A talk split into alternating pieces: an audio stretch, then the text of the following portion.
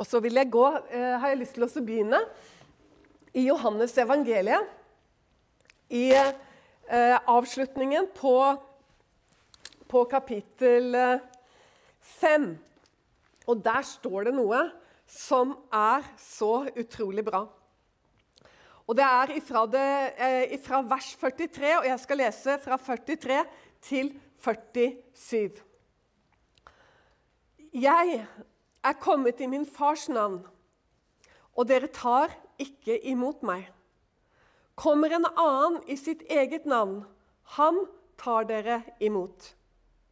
Hvorledes kan dere tro, dere som tar ære av hverandre, og den ære som er av den eneste Gud, den søker dere ikke? Dere må ikke tro at jeg vil anklage dere hos Faderen. Det er en som anklager dere, Moses, han som dere har satt deres håp til. For hadde dere trodd Moses, da hadde dere trodd meg. For det er om meg han har skrevet. Men tror dere ikke hans skrifter, hvordan kan dere da tro mine ord?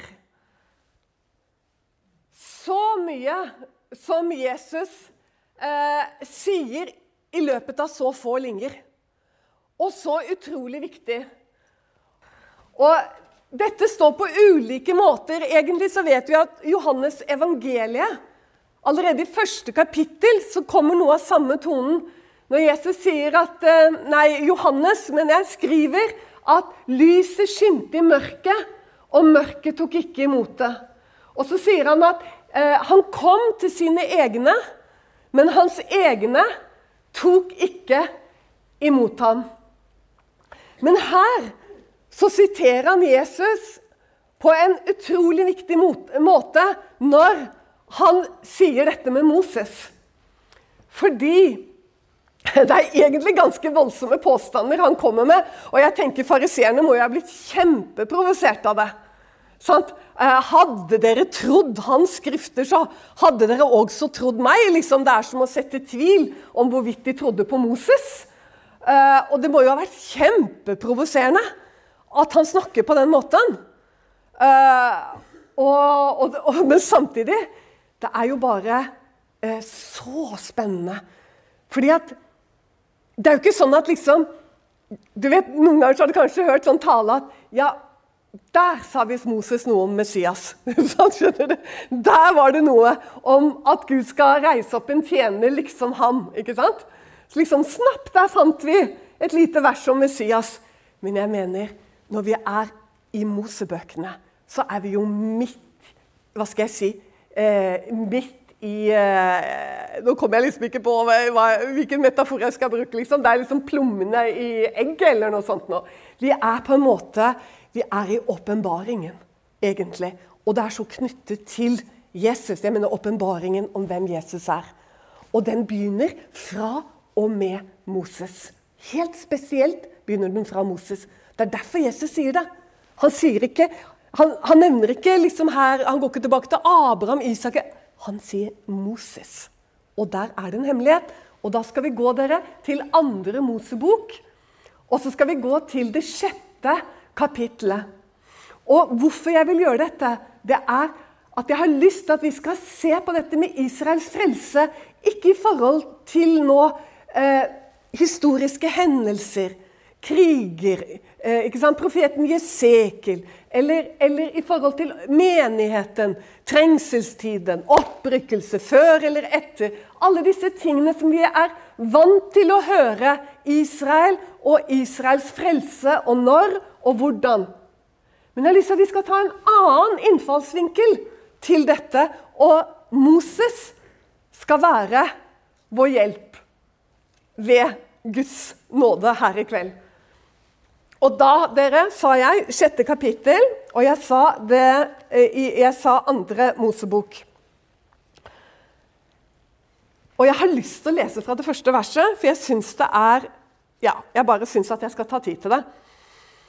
Da sa Herren til Moses Nå skal du se hva jeg vil gjøre med farao. Det er vel noe med at jeg liker så godt den setningen der. Jeg synes den er liksom så utrolig. Nå skal du få se sånn, hva jeg skal gjøre med farao. Det er liksom sånn helt utrolig, egentlig. Bare å stoppe ved den setningen der sånn. Så er det jo sånn, Vi er så vant til å lese ting, og vi leser så fort. Mange ganger så burde vi stoppe tror jeg, mye oftere enn det vi gjør. Uh, at Gud kommer på den måten og sier noe sånt. Så sier han at han ved sin sterke hånd så skal han tvinge farao til å la Israel fare ut av landet. Så han, så han varsler helt innledningsvis, før det har kommet Før det har vært et eh, Det er liksom ikke kommet noe om verken fluer eller, eller om mygg eller om hagl eller noe som helst. Så bare kommer Gud og bare sier at, sant, egentlig hva som kommer til å skje. Farao må tvinges til å slippe Israel. Og så er det det viktige jeg vil til, og det begynner i andre og tredje her. Så står det og Gud talte til Moses og sa til ham Jeg er Herren. Og her, du, så vil jeg stoppe nå. Bare ta denne setningen først. Fordi Hva var det vi leste fra Johannes evangeliet? Jo, vi leste at Jesus sa hvis noen kommer i sitt eget navn Han hører dere. Men jeg kommer i min fars navn, og meg tar dere ikke imot. Altså, Jesus sier at han kom ikke med noe nytt. Han kom ikke for å innstifte noe nytt. Han sier at altså I en forstand skal han det, men han kommer i det som er kjent. Ikke sant? Han kommer jo, til sine egne. Og han kommer i sin fars Guds navn. Hva betyr det? Jo, at han kom i Israels Guds navn. Han kom i navnet til den Gud som de trodde på. Og det er så viktig. Altså, det er i et navn han kommer, ikke sitt eget navn. Men han kommer i sin fars navn. Og dette med navnet det står jo så mange steder i Det nye testamentet. Jesus sier jo 'Dere skal ingenlunde se meg' før dere sier 'Velsignet være Han'. Hva da? Som kommer i Herrens navn. Og mange andre steder i Det nye testamentet. Spesielt også faktisk Johannes 17. kapittel. Det kan du lese i kveld. Dere, hva heter Gud? Jeg tror her at alle sammen har et raskt svar på det. Men det er viktig å si det, fordi jeg har hørt noen si at ja, Gud, han har mange navn. Nei, det har han aldeles ikke. Han skal kalles veldig Gud. Han skal kalles evig far. Han skal kalles rådgiver, sant? og han skal kalles fredsfyrste. Men navnet hans, det presenterte han seg med for Moses i tredje kapittel i andre Mosebok, og han sa 'Dette er mitt navn'. Og dette er mitt navn til evig tid. Så han har ett navn. Og hva er det navnet? Det er viktig dere at vi vet det, fordi Jesus kom i dette navnet. Han sier det jo så mange ganger at han, at han kom spesielt i dette navnet. Og det står I går sa jeg et møte jeg talte, da sa jeg at det sto over 6000 ganger. Men så tenkte jeg at Gurin, kanskje jeg var litt rask. Kanskje jeg egentlig Jeg måtte bare sjekke det. Og da så jeg at andre nettsider sier at det står over 7000 ganger i Det gamle testamentet. Og jeg har ikke tall, så jeg kan jo ikke krangle verken med de som sier 7000 eller de som sier 6000. Men hvis du har talt, så ja, så rop høyt. Jeg har ikke talt. Kanskje jeg kommer til å gjøre det en gang. Men tenk dere, det står, La oss si det, da, at vi har rett. De siste, vi lar den siste taler ha rett. Og da står det over 7000 ganger i Det gamle testamentet. Hva? Skjønner vi at det er litt viktig, eller? Hver eneste gang så er det oversatt med 'Herre' i din bibel. Så vi kan jo nesten tro at han heter Herre. Men en del av dere vet hvorfor de valgte å oversette det med 'Herre'. Skal vi ta den litt tørre delen der før vi går videre? Årsaken til at det står 'Herre'. Hver gang gudsnavnet står, I de, I de originale skriftene, i den hebraiske bibelen, hver gang gudsnavnet står, hva står det da i din bibel? Hver eneste gang over 7000 ganger så står det 'Herre'. Årsaken til det er jo fordi at når de skulle oversette Bibelen til gresk ca. 150 år før Kristus, noe sånt noe, så valgte de å skrive Adonai, altså det, det, er det hebraiske Adonai, og det vi da har oversatt med Herre. De, de ville ikke skrive gudsnavnet, fordi jødene de, de, de, sa det ikke. Altså Det var så hellig for dem. Så de, de ville ikke prøve å uttale det. De sa gjerne Hashem. Hashem, har du hørt det? Baruch, Baruch Hashem, f.eks. Jødene sier det veldig mye. Hashem, det er navnet. Så når de kom til navnet, så, så uttalte de det ikke. De sa bare navnet. Navnet, sa de. Eller så sa de Adonai. Så det som skjedde da, var at hver eneste gang, da, over 7000 ganger, så står det da Herre i vår bibel. Og da kan vi glemme litt at det er gudsnavnet. Egentlig er det litt dumt, men jeg har jo ikke tenkt å gå til felts. eller Det nytter jo ikke å gjøre noe med den saken. Men det er faktisk litt dumt. fordi at det som skjer, er at vi får jo ikke sånn forhold til det som Jesus hadde så behov for å formidle til oss som noe som er veldig veldig viktig for han. Og som er viktig for oss, det er at vi forstår. Og nå kan vi gå tilbake til andre Mosebok. Altså Igjen.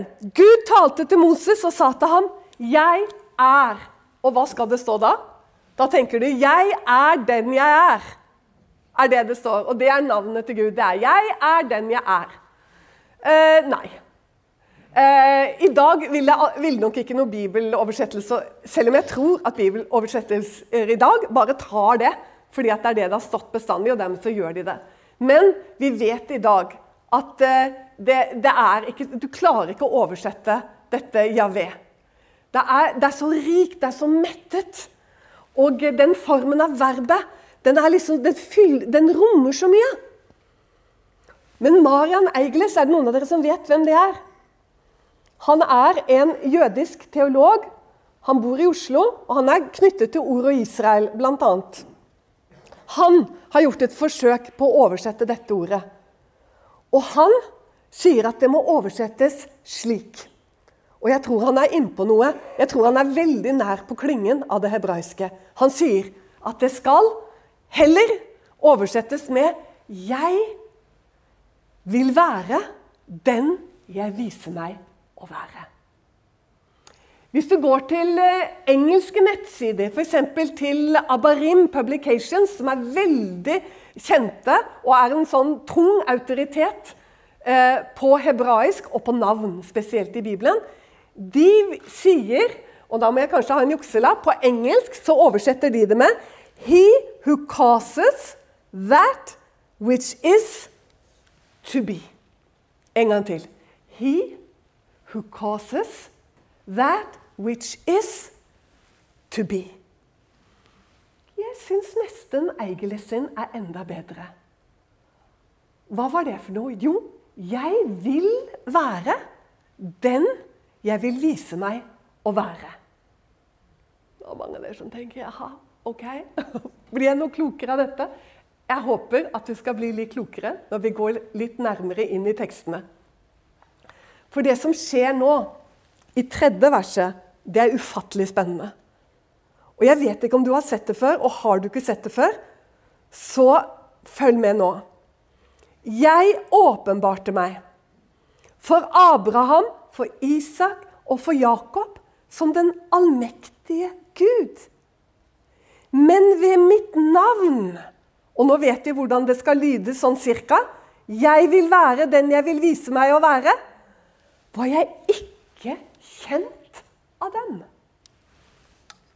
Er det veldig spesielt? Ja, det er veldig spesielt. For det han sier egentlig, er at Abraham, Isak og Jakob kjente bare Gud som en sånn allmektig Gud. De hadde ikke et personlig kjennskap, sånn som han nå skal åpenbare for Moses. Han sier det jo. De kjente meg bare som den allmektige Gud, men de kjente meg ikke ved navn. De kjente ikke hvem jeg er. For jeg har ikke åpenbart før hvem jeg er. Men nå, Moses, skal jeg vise hvem jeg er.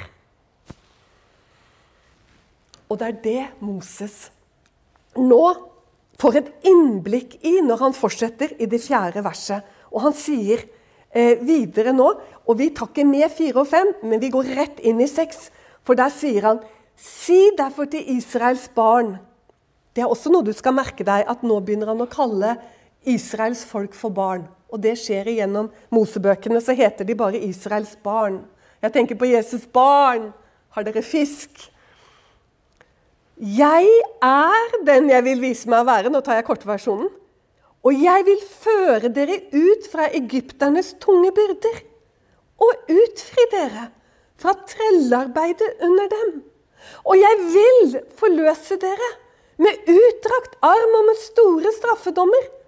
Og jeg vil ta dere til mitt folk, og jeg vil være deres Gud. Og dere skal kjenne at jeg er Herren deres Gud han som fører dere ut fra Egyptens tunge byrder.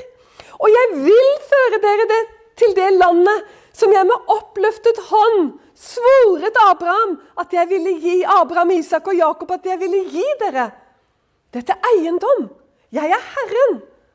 Og Moses sa dette til Israels barn, og så står det, men de hørte ikke på ham. Hør nå, altså. Jeg vil være den jeg vil vise meg å være. Og så kommer det, og så bare åpner han navnet sitt, og så sier han Jeg vil føre dere ut fra Egyptens tunge byrder. Og jeg vil utfri dere fra trellearbeidet under dem.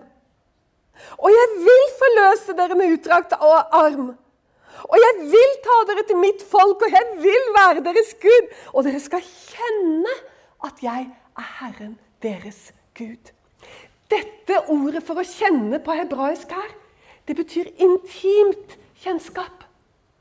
Det betyr erfare. De skal erfare at han er Gud.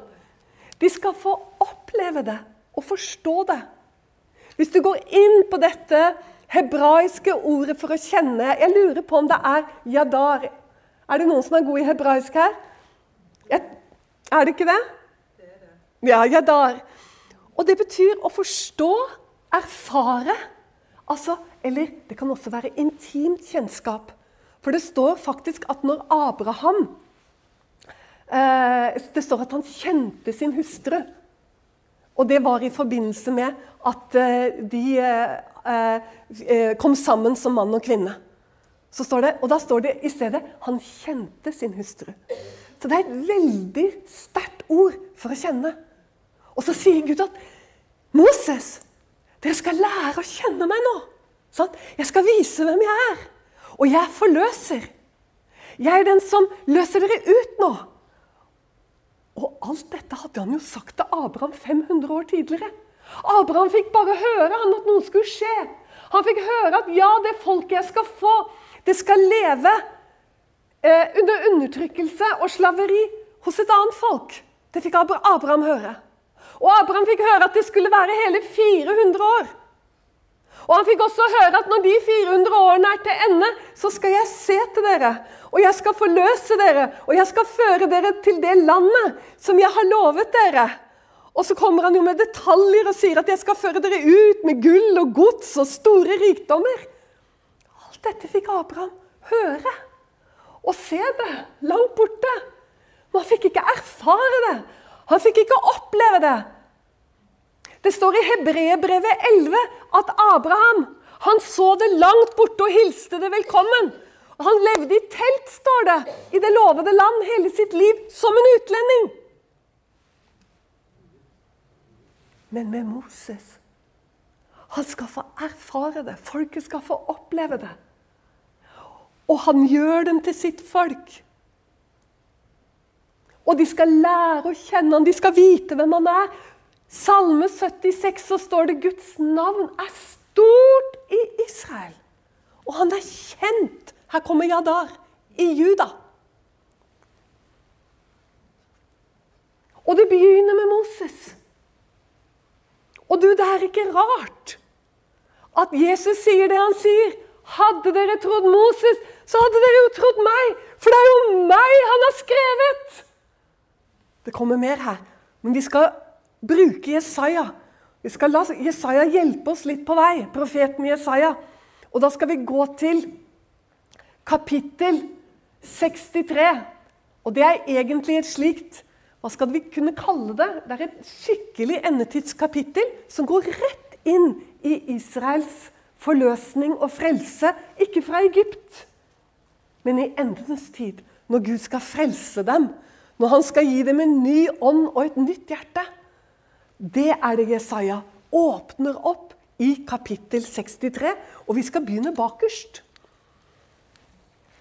Og så skal vi gå baklengs gjennom kapittelet. Tror du det går bra? det håper vi. Vi skal gå baklengs igjennom kapittel 63, og vi skal begynne i vers. I vers, vers, vers skal vi se i det 16. For der står det dere vet at veldig ofte så brukes Israel som betegnelse på folket, ikke sant? Og det brukes Vi vet også at det kan brukes da om personen Jakob. Og her, når jeg leser Israel nå, så er det Du skjønner da sammenhengen? Det er Jakob det er snakk om. Ikke Israel som folk, men her nå så er det snakk om Jakob. Hør hva det står i det 16. verset. For du er vår far. Abraham vet jo ikke om oss, og Israel kjenner ikke oss.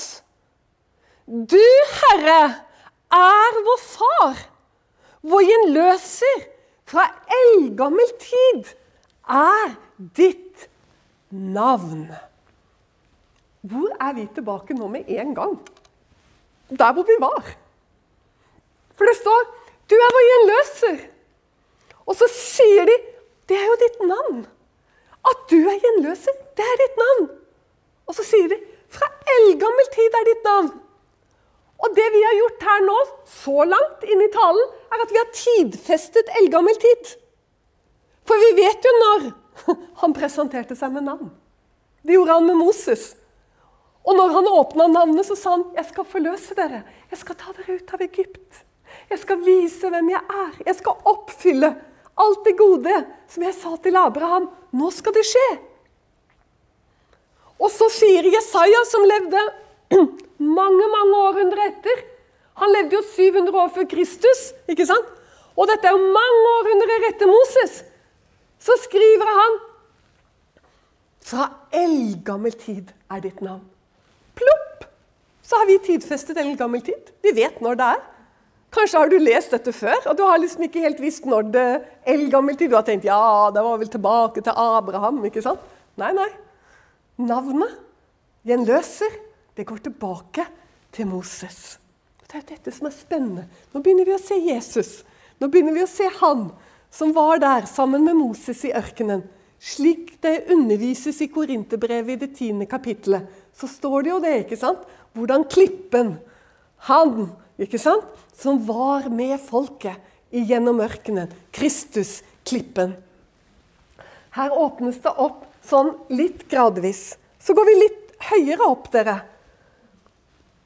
Fra det ellevte verset så spør vi oss hva er det som skjer. For det står Da tenkte hans folk på de gamle dager, på Moses. Hvor er han? Som førte dem opp av havet med sin jordshyrde. Hvor er Han som ga sin hellige ånd midt iblant dem? Han som lot sin herlige arm gå fram ved Moses sin høyre side.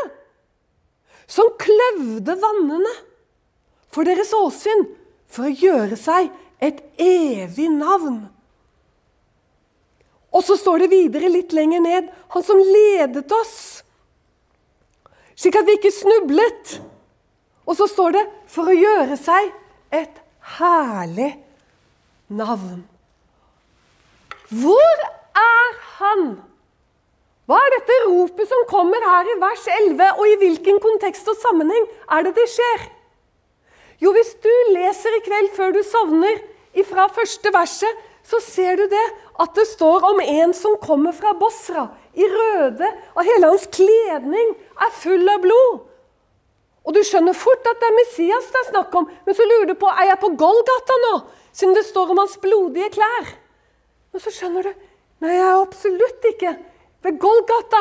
Jeg er ved Jesu andre komme. For det står om at han i sin vrede slo ned folkeslag. Og så står det om at han kommer for å frelse sitt folk. Og midt inni denne kampen, som ikke jeg på en måte, og ikke Bibelen heller, har gitt oss i noen kronologisk forståelse, sånn at vi kan sette oss ned og lese nøyaktig hvordan denne frelsen skal skje. Men vi får lov å se inn i den. Og det er det Jesaja gjør nå. Han lar oss se inn i den. I Jesaja 63. Og midt i denne kampen, hvor folkeslagene angriper jødefolket, det siste store angrepet Og jeg tenker, Var det det Jesus tenkte på når han sa der hvor åtselet er, skal ørnene samles. Jeg vet ikke. Men der er det du hører dette ropet. Hvor er han? Vår gjenløser, hvor er han? Han som ga sin hellige ånd midt iblant oss. Så sier de Abraham kjenner oss ikke, Jakob kjenner oss ikke. Altså, hva betyr det? Du vet at jødene de har pugget gjennom Mishnah og gjennom Talmud. Sitter de og pugger Abrahams liv, Jak Isaks liv, Jakobs liv. Og lærer og, ikke sant? Alt skal kunnes utenat. Og det er akkurat som du hører liksom Abraham kan ikke hjelpe oss. Jakob kan ikke hjelpe oss. Du er vår far. Så det er dekke her som har begynt å falle. Du er vår far. Vår gjenløser. Hvor er du? Du som ga din Hellige Ånd midt iblant oss. Men hva er dette for noe? Hellige Ånd midt iblant oss? Gjorde han det, da? Med Moses? Er ikke Moses lovens mann?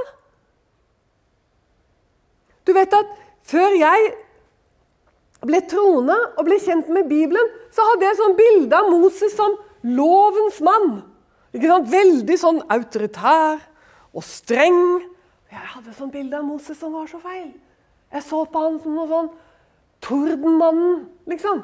Er det noen andre som har hatt det, eller? Ja, ja, ikke sant? Moses! Det var sånn loven. Vet du hva det står om Moses i Bibelen? Han var verdens mest sakmodige menneske. Det står at han var den mest sagmodige mannen i hele verden. Og Det gir et litt annet perspektiv på det, og det er kanskje ikke så rart heller. Fordi at når Gud fant han der i midjanittenes ørken og presenterte seg for han, hva var det igjen av Moses? Visste han hvem han var lenger? Han hadde vokst opp som en egypter. Han var en hebreer. Han hadde bodd 40 år blant midjanittene. Han hadde vært en prins av Egypt og en som en foregutt. Hvem er jeg, liksom? Og det var jo det han sa til Gud òg. 'Hvem er jeg? At jeg skal føre folk ut?' Han var det mest saktmodige mennesket. Ja, det mest saktmodige mennesket i hele verden, slik det står i Bibelen. Og dere Hvor er han som ga sin hellige ånd midt iblant oss? Hvordan skal vi forstå det? Ga Gud sin hellige ånd midt iblant dem, da? Ja visst gjorde han det. Visst gjorde han det. Det var jo en del av det å gjøre seg kjent. Fordi at ikke, ikke, bare at han presenterte seg med navn, men når han skulle vise hvem dette navnet er, og hva dette navnet åpenbarer, så gjør han dem til sitt folk. Helt riktig. Men hvordan gjorde han det? Jo, han ga dem loven. Men når du gir dem loven, så måtte du gi dem noe mer. Er du enig med meg i det? For loven har jo aldri frelst noen, ikke sant? Så når han ga dem loven, så måtte han gi dem også læren om forsoning. Hvis han ga dem loven som ville åpenbare synd, da ville de jo skjønne at de var syndere. De ville bryte loven. Og Derfor så måtte de også få tabernaklet. De måtte få prestetjenesten. De måtte få blodet.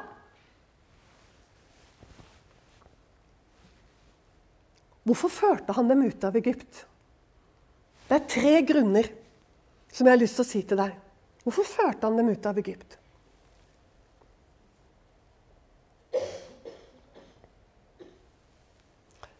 Fordi han hadde sagt det.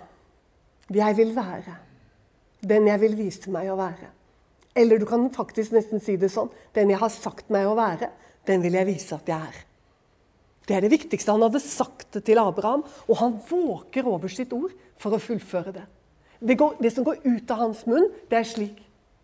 Han talte, og det skjedde. Han bød, og det sto der. Derfor så måtte han gjøre det. Det er i bånd. Pga. sin pakt med Abraham. Det er i bånd. Men så er det selvfølgelig nummer to som er viktig. Han hørte deres skrik. Han kjente deres lidelse. Tiden var moden. Han kom og frelste dem. Men han sier i 29. kapittel i andre Mosebok Nå må ikke du la deg liksom bli helt sånn stresset av alle disse henvisningene. for det, å, det klarer jeg ikke å huske. Det er ikke så farlig. Hør nå. Han sier hvorfor han ledet dem ut. Hvorfor ledet han dem ut? Der står det fordi jeg ville bo hos dere. Jeg ville ha samfunn med dere. Jeg ville være sammen med dere, sier Gud. Og slik det står i kapittel 29, så står det 'Jeg ville bo nytt iblant dere'. Derfor førte jeg dere ut. Hm? Kapittel 29. Kjempeviktig. Gud har sagt hvorfor han gjorde det. Han ville ha samfunn, han ville ha fellesskap, han ville bo hos dem. Men hvis han skulle bo hos dem, så måtte han gjøre det til sitt folk ved å gi dem loven og ved å gi dem blodet. Ja, Men ble de forsonet i den gamle tid? Ja, de gjorde det. Og her må jeg gi deg bibelhenvisning, for du kan kanskje bli litt skeptisk nå. Tredje Mosebok, les fra tredje kapittel og utover, så står det det at Alt ettersom hvilken synd de hadde gjort, var det ja, Så måtte de komme med en due, eller de måtte komme med et lam, eller de måtte komme med en bukk eller en okse. Og gi det til prestene, så står det så gikk de forsonet hjem til sitt hus. De hadde loven, og de hadde blodet. Men jeg skjønner fortsatt ikke dette med at han hadde gitt sin hellige ånd midt iblant dem. Han bodde i det huset. Gud bodde der, og han bodde der så mektig at prestene måtte gå ut, for de kunne ikke bli stående der inne og gjøre tjeneste, fordi skyen lå over tabernaklet. Har du lest om det? Gjennom 40 år i ørkenen så hvilte Herren over sitt tabernakel. Og det var ikke en teltplugg som ble dratt opp av jorden i den leiren av de tolv stammene før skyen hadde løftet seg. Så lenge skyen lå over tabernaklet, så var det ingen i Israel som kunne gå videre noe sted. Da lå de i leir. Men når skyen løfter seg Dette er bare helt utrolig. Jeg tror ikke vi har tenkt over egentlig hvor nær han var sitt folk. Vi snakker så nedlatende. Jeg bare tenker på, Ikke vi som menighet, jo vi har sikkert gjort det som menighet opp gjennom kirkehistorien og gjort det til en del av antisemittismen. Jeg husker jo Gorders artikkel i 2006 hvordan han skriver så foraktelig om jødene i, i, i ørkenen. Hvordan de klagde og søt. Og har klagd over Ja, ikke sant? Du, jeg tror det har vært mye av det. Og også hvordan vi har fremstilt Moses som lovens mann og denne harde personen. Ingenting har noe som helst med Bibelen å gjøre. Han var så nær sitt folk i ørkenen. Han var så nær at de så han. Han lå som en skystøtte over tabernaklet. Og når de skulle bryte opp, så løftet skystøtten seg. Og da visste de at nå skal vi videre. Og så gikk de etter skystøtten. Sånn holdt de på i 40 år. Om dagen som en skystøtte, og om natten som en ildstøtte. Er det utrolig? Hvor nær han var sitt folk. De kunne se han. Du kan ikke se han engang! De kunne se han! De så skyen lå der! De kunne ikke gå inn der, de kunne ikke være der, presten engang, fordi skyen lå der! Gud var der! Det må være lov å rope litt, altså. Menighet. Jeg tror vi, liksom, vi glemmer dette. Er det rart at Moses er viktig når det gjelder Israels frelse? Når Jesus sa det, hadde dere trodd Moses, så hadde dere trodd meg. For det er jo meg han skriver! Tenk på tabernaklet! Det er jo bare et bilde på Kristus. På det å ha kommet inn i Kristus. På dette blodet som taler bedre enn blodet av bukker og kalver. For det blodet kunne ikke ta bort synd, men det kunne dekke over synd. Men det kunne ikke ta det bort. Det vitner om han som kom til sine egne, men de kjente han ikke. Å, kjære Gud, hvor fantastisk er det ikke? Og hvordan han, dere, åpenbarte sin hellige arm midt iblant dem. Og det er jo også en sak for seg selv. Har du lest om armen i Gamle testamentet? Har du, har du, jeg tror jeg må ta på meg den oppgaven å telle alle de gangene det står om Herrens arm. Og vi bare leser det, og så tenker vi ofte ikke så mye over det. liksom. Herrens arm, ja ja, det er også en måte å si det på, liksom. sånn, da. Vi får ikke alltid så mye mer forhold til det enn det. Det er jo kjempespennende. Vet du hvor den første gangen det står? At han avdekker sin, sin hellige arm? Sin sterke arm? Når tror du det er første gangen det står i Bibelen? Det er der hvor vi var. Det er der hvor han sa at han skal åpne navnet sitt og vise hvem han er, og gjøre seg kjent. Så sier han at han avdekket armen sin. Og det kommer mange ganger gjennom Mosebøkene, og spesielt så kommer det hos profetene. Hos Jesaja. Han begynner jo eh, 53. kapittel. Når, når, han profeterer om Jesus som skal komme og ta våre synder på seg, så dukker armen opp igjen. Ikke sant? Hvem trodde det budskap vi hørte? Og for hvem ble Herrens arm åpenbart? Underlig! For det første så står det i fortid. Det er jo helt underlig. Altså, Jesaja profeterer om noe som skal skje om 700 år. Det burde jo stå i, i, i, jo stå i futurum. Hvem kommer til å tro? burde det stå. Nei, det gjør ikke det. Det står i fortid. Hvem trodde Det er akkurat som det er for jødene når deres frelse er rede. Når de som folk kommer inn, så kan de få lov å sitte i dag og lese. Hvem trodde det budskapet?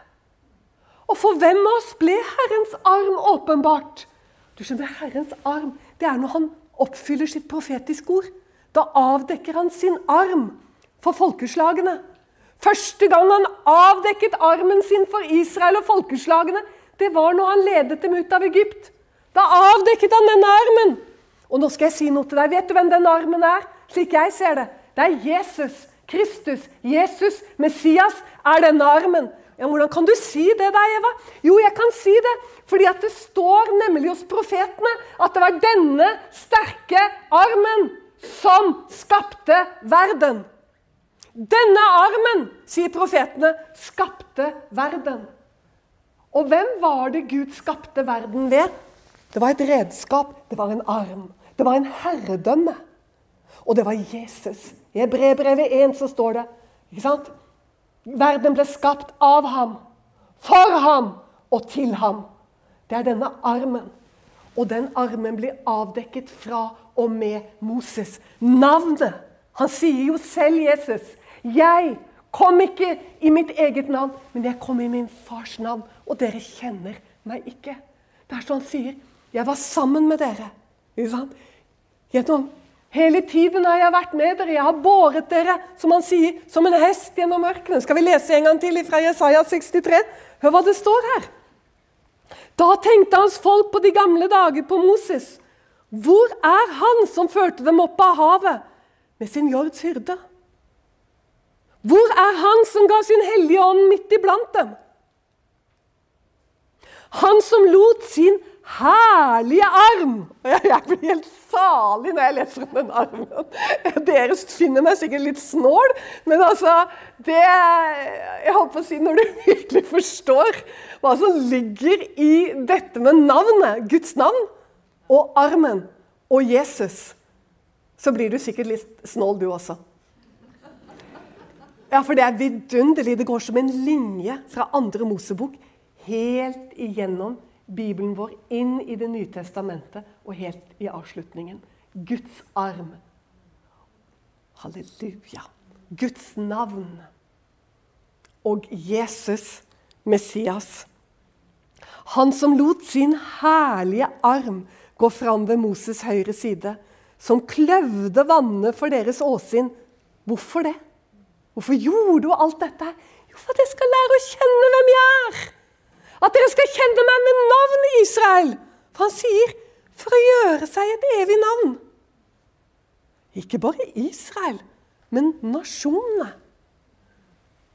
Det er ikke bare Israel som skal lære å kjenne han når han avdekker sin hellige arm. Også nasjonene. Han førte dem igjennom dypene som en hest og gjennom ørkenen så de ikke snublet. Liksom fe som går ned i dalen, førte Herrens ånd dem til hvile. Slik ledet du ditt folk for å gjøre deg et herlig navn. Amen. Dere, da går vi litt opp eh, til eh, vår tid. Og så ser vi om vi kan se Kanskje jeg skal, bare for deg som er interessert, kanskje jeg skal gi deg litt. Eh, fordi det står nemlig i Jeremia 32, det 17, 32, 17, der kan du lese, ikke sant? der får du den nydelige koblingen til Jesus som Herrens arm. Eh, med tanke på hebreerbrevet? Der kommer denne skjønne koblingen. Men så har du også Jeremia 21 og 27, som nettopp handler om armen. Som ikke bare er for Israel, men for nasjonene og folkeslagene. For å lære å forstå hvem man er. I, du vet at eh, det, det står jo også at Herren vår Gud er en bolig, og her nede er evige armer. Det ligger i navnet. Du vet, 'Jeg er den jeg er'. Det er liksom, det er så statisk. Det, jeg skjønte egentlig, før jeg endelig fikk se og, og, lese jødiske teologer som skriver om dette, så skjønte jeg at 'jeg er den jeg er'. Jeg var ikke helt overbevist om at det var en riktig oversettelse. Og det var så skjønt når jeg så at jeg hadde helt rett. Du vet at Det er så statisk, det er så ubevegelig. Mens jeg vil være sånn, til stede. Jeg vil handle. Det er disse armene som er i verden, som handler. Som våker over sitt ord, så han fullbyrder det. Som handler med nasjonene, som handler med Israel, som handler med sin menighet. Som handler med oss i våre liv. Disse evige armer. Denne Gud som har en sterk vilje. Jeg vil. Og det går igjen. 'Jeg vil!' Og så gjør han det. 'Og jeg vil!' sier han, og så gjør han det. Og så får vi lov å kjenne at ja, hans navn er stort hva? i Israel.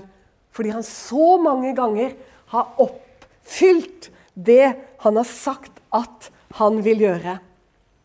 Og nå går vi dere til Jeremia, til 23. Eh, kapittel.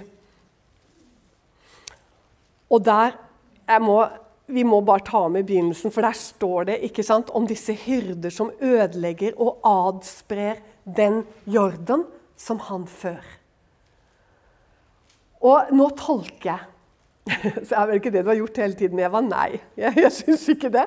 det jeg egentlig, noen ganger så føler jeg bare at jeg taler bokstavelig, jeg trekker linjer. Men nå tolker jeg. Fordi jeg, jeg får en sånn opplevelse når jeg leser dette, at han taler til den kristne menighet. At vi har stelt dårlig med å passe på jorden hans. Han sier nemlig, Derfor sier Herren Israels Gud, så om de hyrder som røkte mitt folk. Dere har adspredt mine får og jaget dem bort, og ikke sett etter dem. Ikke bra. Se, jeg hjemsøker dere for deres onde gjerninger, sier Herren. Og så kommer det. Og nå kommer disse villen igjen. Nå begynner han å ville igjen. Han som er den hva? Jeg vil være den jeg vil vise meg å være. Og nå begynner han å ville igjen. Og dette finner du jo hva? Overalt i Det gamle testamentet. Han som vil, og som vil. Ikke sant? Det er Gud som taler profetisk for at vi skal lære å kjenne han, hvem han er. Og jeg vil selv samle resten av mine får fra alle de land jeg har drevet dem bort til. Og jeg vil føre dem tilbake til deres egne beitemarker. Og de skal være fruktbare og bli mange. Og jeg vil sette hyrder over dem, og de skal røkte dem. Og de skal ikke frykte mer og ikke forferdes. Og ingen av dem skal savnes. Og da har jeg lyst til å si ikke én. Fordi det står faktisk hos Jesekel at 'jeg lar ingen av dem være igjen der ute i nasjonene'. Se, dager kommer, sier Herren, da jeg vil La det stå fram for David en rettferdig spire, og han skal regjere som konge og gå fram med visdom og gjøre rett og rettferdighet i landet. Og så kommer det i de dagene skal Juda bli frelst. Fantastisk. Og Israel, står det, skal bo trygt. Og dette er det navn han skal kalles med. Halleluja. Herren vår rettferdighet. Det kunne egentlig nesten stått 'Herren vår gjenløser'. Så nydelig, dere. Og eh, han har lagt igjen en liten nøkkel til oss i det syvende verset. Se, derfor skal dager komme, sier Herren. Da en ikke mer skal si, så sant Herren lever, han som førte Israels barn opp fra Egypt. Men så sant Herren lever, han som førte dem ned fra et land i nord og fra alle landene som han hadde spredd dem til. Dere som har hørt meg tale dette før, dere vet hvor jeg vil hen nå. Men det er en fantastisk nøkkel til å forstå Skriftene. For du vet at eh, Hvis jeg hadde hatt en som ville kverulere med meg her, så hadde han sagt det, ja, men det der som Jeremia sier her om at 'jeg vil samle dem' og 'jeg vil hente dem fra landet' og sånn, det handlet om når han tok dem hjem fra Babylon. Men du vet at Skriftene er så fantastiske. De er bare så troverdige, og de legger sånne nøkler til oss, sånn at vi skal kunne avsløre sånne ting og kunne tidfeste til tider. Ikke alltid, men til tider. Og det kan vi her. Hvorfor det?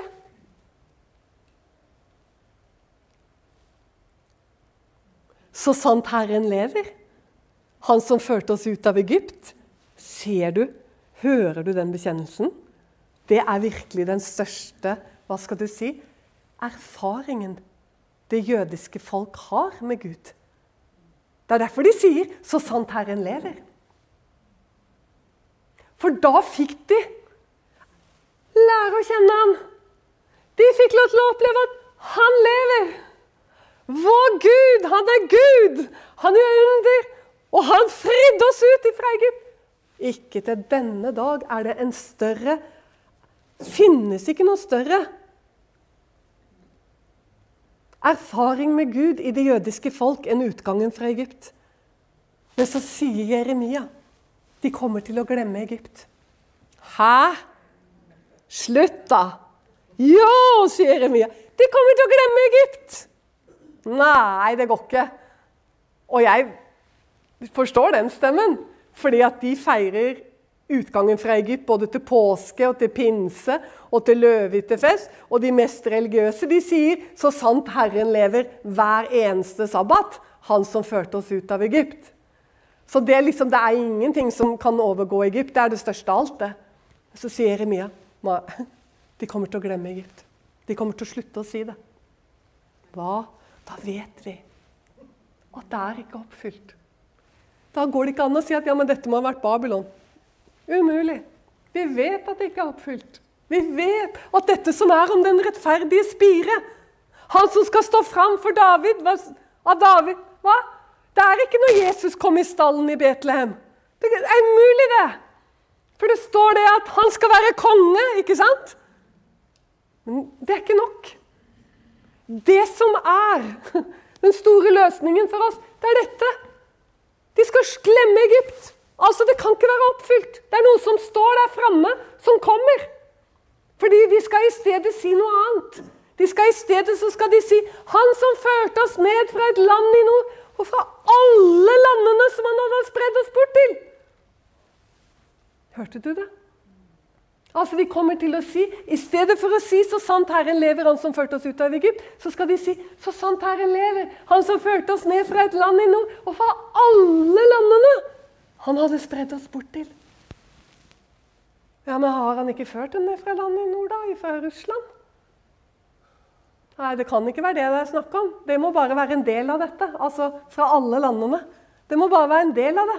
Fordi at de har jo ikke endret bekjennelsen sin. Jødene sier jo fortsatt hver sabbat. Så sant Herren lever, han som førte oss ut av Egypt. Så vi, det er ikke oppfylt. Det er noe som kommer. Og da begynner vi å tenke Og det må overgå Egypt. Det må bli større enn Exodus. Wow! Og da begynner vi å titte mot USA, da. Og da begynner vi å skjønne at det kan jo overgå Egypt. For fortsatt så er det over fem millioner i USA. Og så skjønner vi også at det er vel en og en og en halv kanskje million utenfor USA. Og si at det er ca. syv millioner igjen der ute. Da. Halvparten er igjen utenfor. Åh, det kan jo skikkelig overgå Egypten. Men det kan ikke bare overgå Egypt i kvantum. Det må overgå Egypt i herlighet. For du skjønner, dette er en frelseserfaring for jødene. Det var frelse i Egypt. Det er deres frelseshøytid. Så det må komme frelse med det. Så hvis du da spør meg når skal dette skje, og hvordan skal det skje, så må jeg bare si at jeg vet ikke hvordan det skal skje. Og jeg kan ikke si når det skal skje, men jeg kan si at det skal skje. Og så kan jeg si en ting til. Det må være koblet til frelse. Det må være koblet til Jesus. Altså Det må være kobla til at de ser hyrden sin. Overhyrden. De skal se overhyrden. Og noen ganger så lurer jeg på om det blir helt sånn mirakuløst at det er han som kommer til å dra altså, han, For det står jo om dette når han skal samle det i den siste tid. Så står det jo at han igjen skal avdekke sin hellige arm. Altså, Det gjorde han når han tok dem ut av Egypt. Da avdekket han armen sin. Og så står det at når han nå skal ta dem hjem, så står det at han avdekker armen sin for alle nasjonene. står det. For at de skal se hans herlighet. Du, vi står foran noen helt ufattelige ting, altså. Helt utrolig. Og da gjelder det å ikke liksom synke ned i materien av all slags elende og motstand og mørke og korona og jeg vet ikke hva som kommer til å komme i årene framover av eh, elende. Men du av meg, altså. Han som våker over ordet sitt. Han, han, vet du, Jesus sa det jo ikke en tøddel. Ikke den minste bokstav skal få gå før det har skjedd alt sammen, sier Jesus. Ikke, ikke en tøddel. Kjære søster og bror. For en klippe som vi så på. For en klippegrunn! Og inn i dette scenarioet skal han frelse sitt folk. Han tar det hjem, og han skal gi det et nytt hjerte.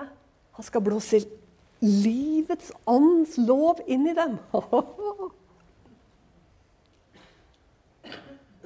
Men det må skje. Altså det, jeg tenker det at det er ikke bare altså, Vi kan jo slå Egypt som bare det. En exodus fra USA, det slår Egypt. Men det må skje til frelse. Til en åpenbaring om hvem Messias er. Det kommer til å Overhyrden skal åpenbare seg for dette folket. Amen. Kjære Gud. Herre og Far, jeg bare takker deg fordi at du er